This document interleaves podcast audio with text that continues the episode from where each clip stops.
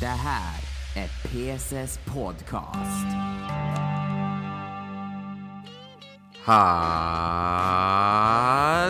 allesammans och välkomna ska ni vara till ett ytterligare avsnittet av PSS Podcast. Och ni kommer som vanligt att lyssna på de plattformarna som Apple Podcast, Google Podcast, Spotify, YouTube och på Patreon som släpps en vecka innan den släpps ut till alla plattformar. Vi kommer att ta upp olika ämnen i detta podcastavsnitt, men fokusen idag är att vi kommer att prata om efterträdare av Steam-maskinen, Steam Deck. Och har ni några frågor som ni kan ställa till mig som jag kan ta upp till nästa podcastavsnitt, då kan ni skicka en e-mail till mig till philipssupershow@gmail.com. Alltså, philipssupershow@gmail.com. Och om ni lyssnat detta på Youtube så kan ni lämna den i kommentarsfältet. Men först. Den 24 februari så vaknade vi upp en nyhet där Ukraina har blivit attackerad. Och hela världen skakar över den här händelsen. Eh, för, för det är ju vad det egentligen är, det påverkar ju allt. Och några av dem som bor i Ukraina håller på att försvara och eh, halva av folket håller nu på att fly från landet från den här katastrofen. Nå, den här podcasten som ni lyssnar på just nu är ju inte gjord för att prata om den här katastrofer som händer i världen. Men vi kommer ju att tänka på det som händer där borta. Och så försöker vi ju hjälpa till de här folket som hamnar i en sån här situation. Så om ni vill hjälpa till så går ni till de organisationer som ni tycker. Och så skänker ni saker som till exempel leksaker till barn eller pengarna så att de har råd till mat och mediciner så att de kan överleva detta situation. Så låt oss säga om ni har pengarna på er eh, Paypal-konto så kan ni kolla efter länken i den här beskrivningen på den sida där ni kan alltså välja de här internationella organisationer som ni kan stödja. Och om ni inte ser i beskrivningen så är adressen streamlabscharity.com så går ni ner i fliken Ukraine. Där kan ni ju som starta en insamling när ni streamar.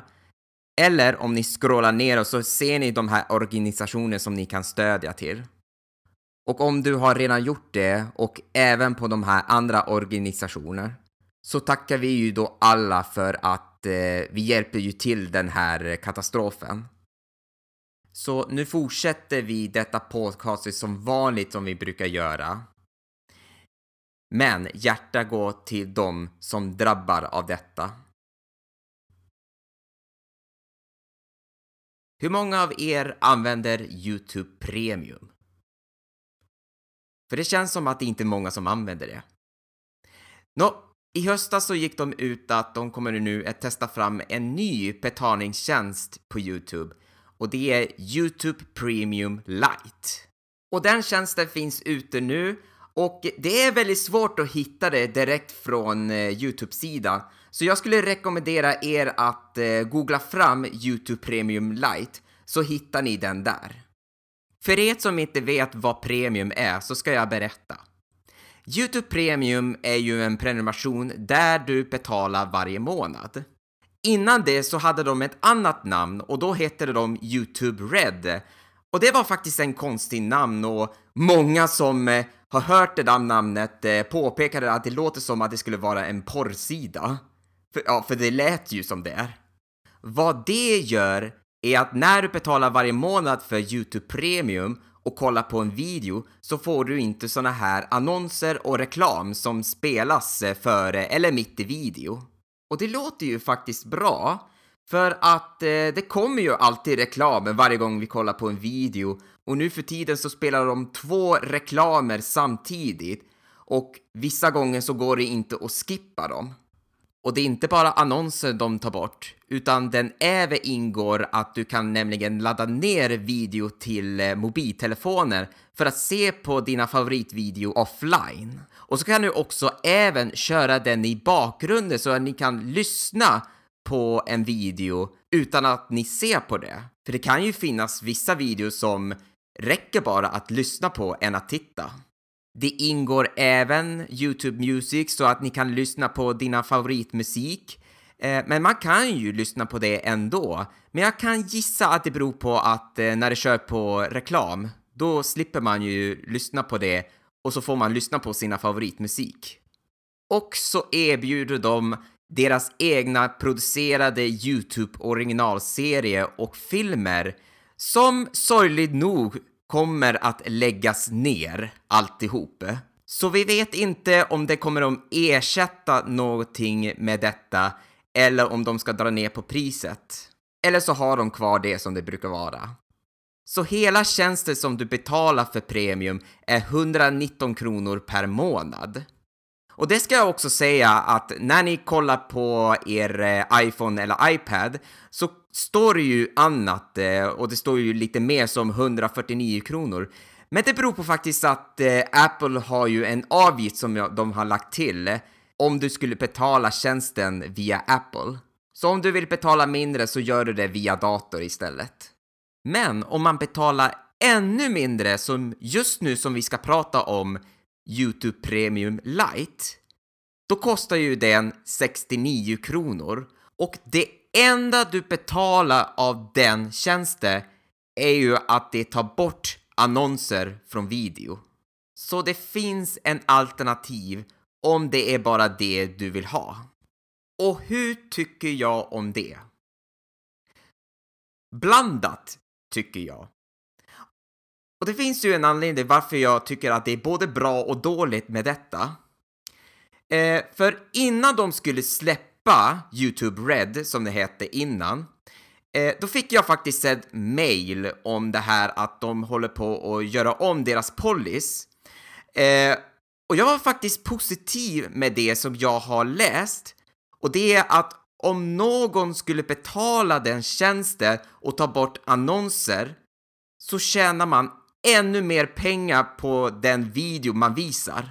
För jag minns ju när jag gick med på det här partnerprogrammet eh, eh, och jag visade annonsen samtidigt när jag la ut video att eh, jag tjänar ju som, vad ska jag säga, någonstans ett öre varje gång när någon tittar på eh, annonsen på min video. Och det låter ju jättelite, men det är ju så det funkar om man visar reklam. Men om någon skulle betala tjänsten för att slippa se reklam, då kan det ju hända att man kommer att tjäna ännu mer pengar på att göra video.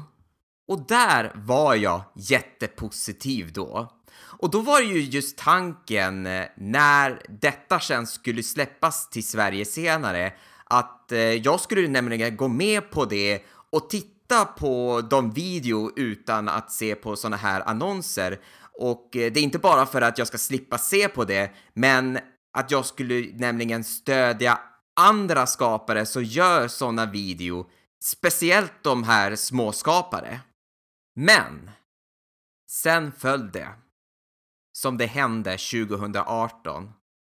Och då gjorde ju Youtube om deras policy om eh, partnerprogrammet. Och det var ju då där de eh, satte gräns på hur många prenumeranter man ska ha och hur många som ska titta så länge på den video för att fortsätta tjäna pengar. Och det var ju där jag tappar aptiten om att eh, skaffa den här premiumtjänsten. För allting handlar ju om att man skulle stödja andra småskapare som gör detta. Och jag vet ju att det är så skitigt att man använder annonser på sina YouTube-video. Men det är ju det enda sättet man kan tjäna pengar på. Så jag kan säga att jag är positiv av den här light-tjänsten som de har just nu. Att man betalar mindre för en sak, för resten behöver man inte. Men det hjälper ju inte att stödja småskapare om man inte har nått upp till den gränsen. Men om jag ska gå med på den här eh, premiumtjänsten så måste Youtube göra någonting i systemet där även småskapare får det här stödet. Men än så länge så kommer jag inte gå med på det här Youtube Premium eller den här Premium Lite-tjänsten. Vill du se den nyaste video före alla andra? Då kan ni gå in på patreon.com pss och stödja detta produktion med en huvudvideo per månad.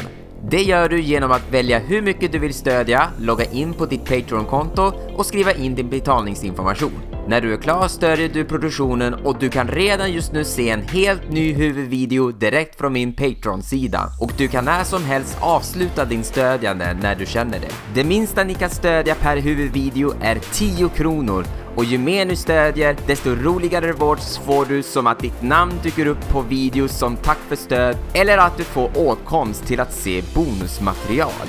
Adressen är patreon.com pss och börja stödja redan just nu. Och ni vet, det finns en ny video redan ute på Patreon. Och nu går vi över till huvudämnet av detta podcasten och vi ska prata om Steam Deck. Och detta ska vara svaret på efter den här misslyckande eh, Steam Machine-hårdvaran.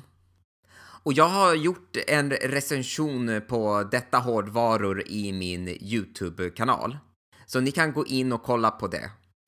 Men meningen med den här Steam-maskinen var ju att det ska vara en PC-dator där du kan koppla upp den till TV. Likadant som en tv-spelkonsol gör. Men problemet med detta är att det är en PC-dator som kör deras operativsystemet SteamOS som går på Linux. Och därför misslyckas det. Men nu är Valve tillbaka igen med deras nya hårdvara som är ju svaret eh, på att eh, kunna spela utanför din dator. Och den har redan släppts ut och eh, vi väntar på att den ska komma hit till Sverige. Så Steam Deck är ju en PC-dator, men den här gången är det en bärbar. Och den är ju likadan som Nintendo Switch är, fast den här gången är det bara bärbart.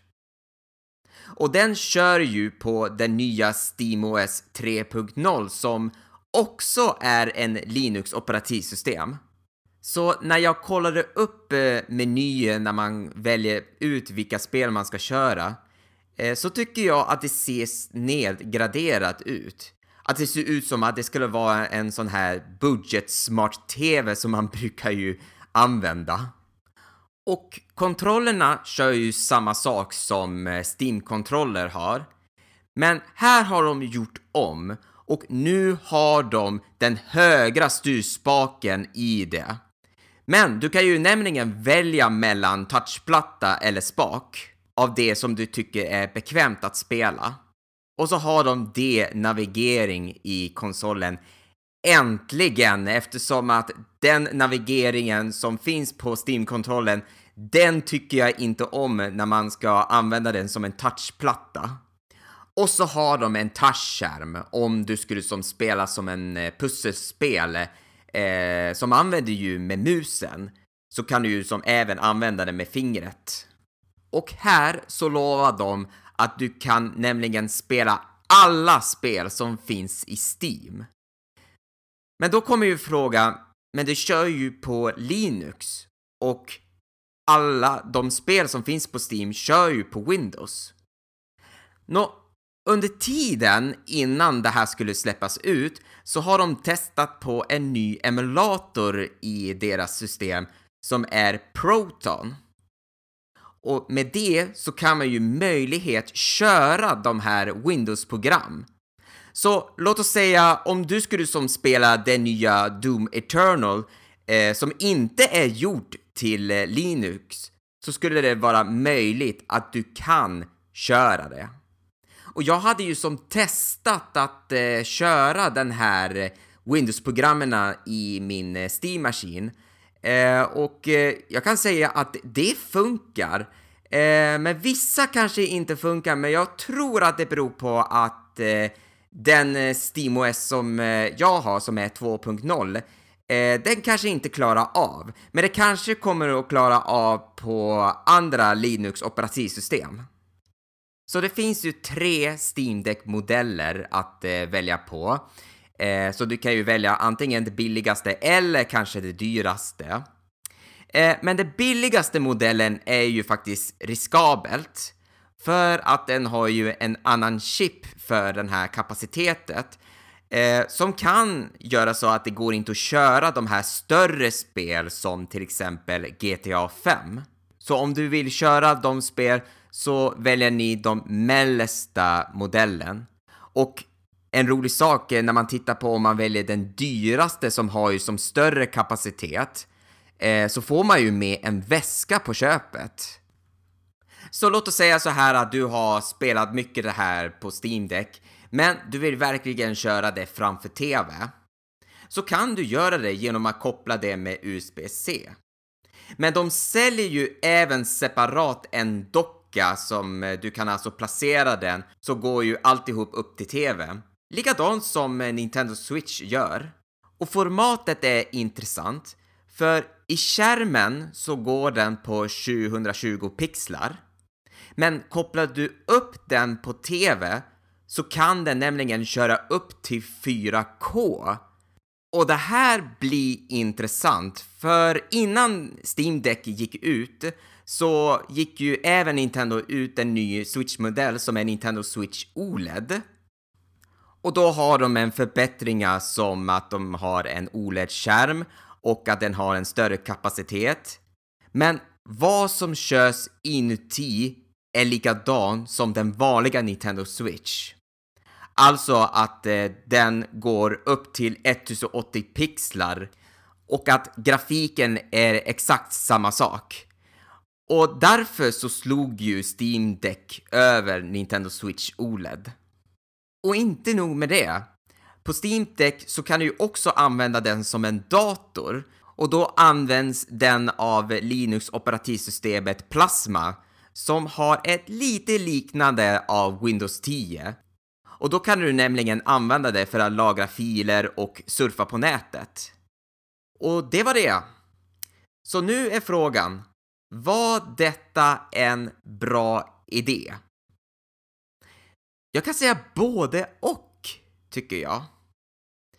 För just nu så gör ju Valve allt till en eget. Alltså att de inte bara gör operativsystemet och kontrollen och sen PC-dator gör ju andra. Och det tycker jag är ju positivt. Och att det gör en bärbar är en bra idé. För låt oss säga att eh, du sitter ju hemma och eh, spelar alla dina Steam-spel på dator som du brukar göra. Men åker du bort någonstans men vill verkligen fortsätta spela på de spel som du tycker om på Steam, ja, då kan du ju nämligen göra det med Steam Deck. Men Tänk om det här är det enda du skaffar. Vill du verkligen spela de här spel bara bärbart? Vill du nämligen betala lite mera för en docka för att köra framför din TV? Och om du vill bara spela de här Steam-spel hemma, då spelar du bara på dator. Så det är vad jag tycker. Och jag har ju nu kollat uh, olika recensioner på nätet och många tycker positivt med det här Steam Deck. Så vi får se hur långt uh, det här kommer att gå. Och jag vill avsluta med det här ämnet genom att eh, ge er lite alternativet eh, på de här bärbara PC-datorer om Steam Deck är inte någonting för er. Eh, en av dem så vill jag rekommendera att kolla upp GBD Win som är ju som en, en pytteliten eh, bärbar dator men har en eh, inbyggd kontroll samtidigt man har en jätteliten tangentbord. Och ett annat som jag vet att det har funnits så länge är Smack Z som är som en Steam-kontroll fast att den har en skärm i mitten. Så kolla upp de här alternativet om inte Steam Deck är någonting för dig. Det här månad hade ju Apple sin presskonferens, alltså den digitala presskonferens för att de kan inte ha publik ännu. Och det hade visat upp eh, sakerna som vi förväntade oss. Och det var en ny generation av iPhone SE och en ny generation av iPad Air. Med en ny Mac-familjen som är Mac Studio som även har en helt ny chip som är M1 Ultra. Och jag är positiv med det, även om den där datorn är ju dyr. Men nu lämnar vi just det och eh, ska prata om en rykte som jag har läst på nätet. Och det handlar ju om att eh, den här eh, Apple TV-kontrollen som vi använder om vi ska kunna styra Apple TV med, att den skulle bytas ut till en hemkontroll. För så här är det ju. Förra året så släppte de ut en ny Apple TV-modell och eh, det är ju inget speciellt med det, utan den har ju faktiskt en ny chip för att det ska kunna anpassa för det här nya TV-apparater. Men en nyhet med det är att de släppte ut en ny fjärrkontroll till det.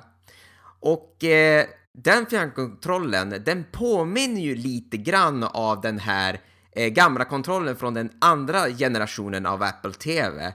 Att eh, du trycker för att navigera. För på den förra fick ju faktiskt kritik eh, över att den hade ju en touchplatta. Och då, för att navigera det, så måste man ju swipa den. Men många vill ju verkligen trycka för att navigera. Och jag ska bara ge er en tips eh, om eh, den här eh, touchplattan, för jag har ju haft den här eh, Apple TV 4K-modellen och den kontrollen som jag använder har ju den här touchplattan. Eh, men det går nämligen att trycka för att navigera. Alltså, du trycker ju inte utan du bara nuddar på den delen för att navigera. Så det är min tips.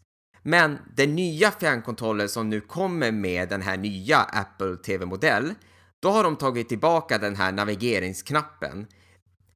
Men de har kvar den här touchkänslan som de har placerat bland navigeringen så om du skulle som vilja spola den lite snabbare, då kan du snurra den på din tumme. Alltså att det påminner när du navigerar på din iPod. Och så vanligt med båda de här kontrollerna så har de Siri inbyggt. Eh, som jag vet inte om jag brukar använda det jättemycket. Kanske att när jag ska skriva snabbare, då kanske jag diktera den för att den ska kunna skriva åt mig. Men eh, det är inte så mycket som jag använder det. Men nu kommer vi till det, vad de kan göra med det kontrollen. Istället för att den kontrollen ska kunna använda för att styra Apple TV, då skulle det göra det möjligt att styra hemmet med det som har HomeKit. Och det låter ju en bra idé. För tänk, med det fjärrkontrollen så kan du ju som styra TV samtidigt där du kan även styra där du kan dimma ljuset, dra ner rullgardinen, börja koka kaffe, ändra temperaturer och sen låsa dörren. Så det blir ju alltid en, att du styr det med fjärrkontrollen. Men jag ska bara säga att eh, den här uppfinningen är ju inget nytt. Eh, för det finns ju redan fjärrkontroller som kan styra alltihop. Eh, och en av dem är ju Logitech som har gjort en sån. Men eh, när jag ser vad Logitech använder så använder ju det av infrarödsändare och bluetooth. Och vad jag tror med den här HomeKitet som Apple har gjort är att den används av wifi. Så allting kan ju styras med nätet. Så varför skulle man kunna använda den här Apple TV-kontrollen till att styra hemmet? Och det är för att det ska vara smidigare att styra. För några tycker inte om att styra hemmet med sin iPhone. För då ska det vara så att man tar upp eh, iPhone, låser upp den, går in i appen och sen är det bara styra. Så vi får se om de kommer att göra en sån kontroll och om det ska vara en del av Apple TV när man köper det. Men jag vet att det brukar ju sälja den separat eh, om man vill bara köpa kontrollen. För jag vet att eh, med den här nya som finns just nu, man kan ju köpa den separat och sen koppla det med den Apple TV man har. Men jag skulle inte vara besviken över att det ska komma en sån fjärrkontroll från Apple.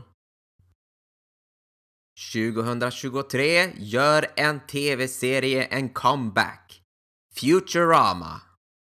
Och detta var ju den andra serie efter den här Simpsons-animationen. Medan den tredje serien är Disenchantment som visas på Netflix. Och Futurama har ju sänt på TV mellan 1999 till 2003. Sen så lades ner och så kom den tillbaka igen och då har det sänt den från 2008 till 2013 och sen lades ner igen. Men nu kommer den tillbaka för tredje gången och den säsongen kommer att innehålla 20 avsnitter. För er som inte är bekant med den här serien så handlar ju detta om huvudpersonen Philip J. Fry från 1999 där han jobbar som pizzaleverantör. Och då skulle han lämna pizza till en experimentlabb där han råkar hamna i den här kapseln och frysa sig själv tusen år framåt och hamna år 3000 där han träffar andra karaktärer och jobbar på en transportservice. Alla skådespelare som spelar de här karaktärerna kommer att komma tillbaka för att eh, köra samma roller. Men under tiden när den här gick ut att den ska komma tillbaka så hade de ett problem med den skådespelare som spelar Bender, John DiMaggio. Och då var det så att eh, många trodde att det handlade om att han skulle få bättre betalt eh, om han ska göra rollen igen. Eh, men han har sagt det själv eh, på Twittern att eh, det handlar inte om just om det. Utan den handlar ju om att när alla ska komma tillbaka och göra rollen igen, då ska ju alla få bra betalt. Och därför är det så mycket spekulation över varför han inte är med i det. Och här fattar jag inte, för han har ju även gjort röster som Kong Saga i med nyligen när de släppte ut en ny säsong. Men jag tror nog att det är en annan produktion som håller till detta, fast det är samma skapare. Men det gjorde ju ingenting, för det har ju löst detta problem och han kommer tillbaka för att göra röster som Bender. Och den här gången så kommer ju Futurama att bara visas på streamingen. Och det kommer att visas på Hulu. Men det har vi inte här. Men Futurama visas ju på Disney Plus via Stars. Så detta betyder att eh, den nya säsongen kommer att streamas på Disney+. Så det blir spännande att se hur det här kommer att gå och jag ska försöka kolla på alla avsnitt av Futurama som finns innan den här nya säsongen kommer nästa år. Jag har bara hunnit eh, till eh, säsong 7 och det är ju 10 säsonger sammanlagt. Eh. Så jag har ju en bit avsnitter kvar att titta på innan den nya säsongen kommer nästa år. Och här kommer en sak som kommer att försvinna nästa år. Nintendo kommer nu att stänga ner E-SHOP på 3DS och Wii U mars 2023. Förra gången när de stängde ner servern var ju WeShop Shop Channel och det hände ju den 30 januari 2019. Och om man går längre bort så har vi Nintendo Wi-Fi Connection som stängdes ner 20 maj 2014. Och det betyder så här att Nintendos sjunde generationen är nu dött. Och eh, åttonde är nästa. Om vi går tillbaka till eh, Wii Shop Channel så var det så att från början så sålde de bara Virtual Console-spel samt eh, andra där de kallade det för kanaler som nu för tiden kan vi kalla för appar. Och så har de en eh, internetprogram, körs av Opera, eh, som inte var riktigt bra att använda, men det visade sig att det gick att surfa på det. Och så la de till WiiWare som är små spel som du kan alltså köpa och ladda ner det direkt. Och det tycker jag är ett bra sätt att sälja de här små spel, medan de här stora spel säljs på butiker. Och sen när nästa generationen kom, som var ju 3DS och Wii U, då öppnade de upp e-shop-tjänsten. Och detta var ju förbättring sen eh, Wii Shop Channel, för då var det så att eh, du kan ju skaffa både små och stora spel. Och det betyder att detta var ju nästa steg att köpa spel digitalt. Och Virtual Console fortsatte att eh, sälja till Wii U och eh, 3DS eh, som nytt hade Gameboy-spel som man kunde köpa. Och inte nog med det, för där förbättrade genom att visa riktiga valutor än att de visade poäng som ja, det här kostar 500 poäng, men egentligen så kostade det 50 kronor.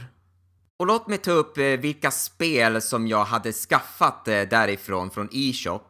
Och jag har inte haft så mycket spel till Wii U, eh, men jag har ju köpt några sådana här stora spel som Super Mario Maker, Pikmin 3, och det är det enda som jag köpte därifrån. Och, Eh, men jag hade köpt eh, mest sådana här små spel till eh, 3DS.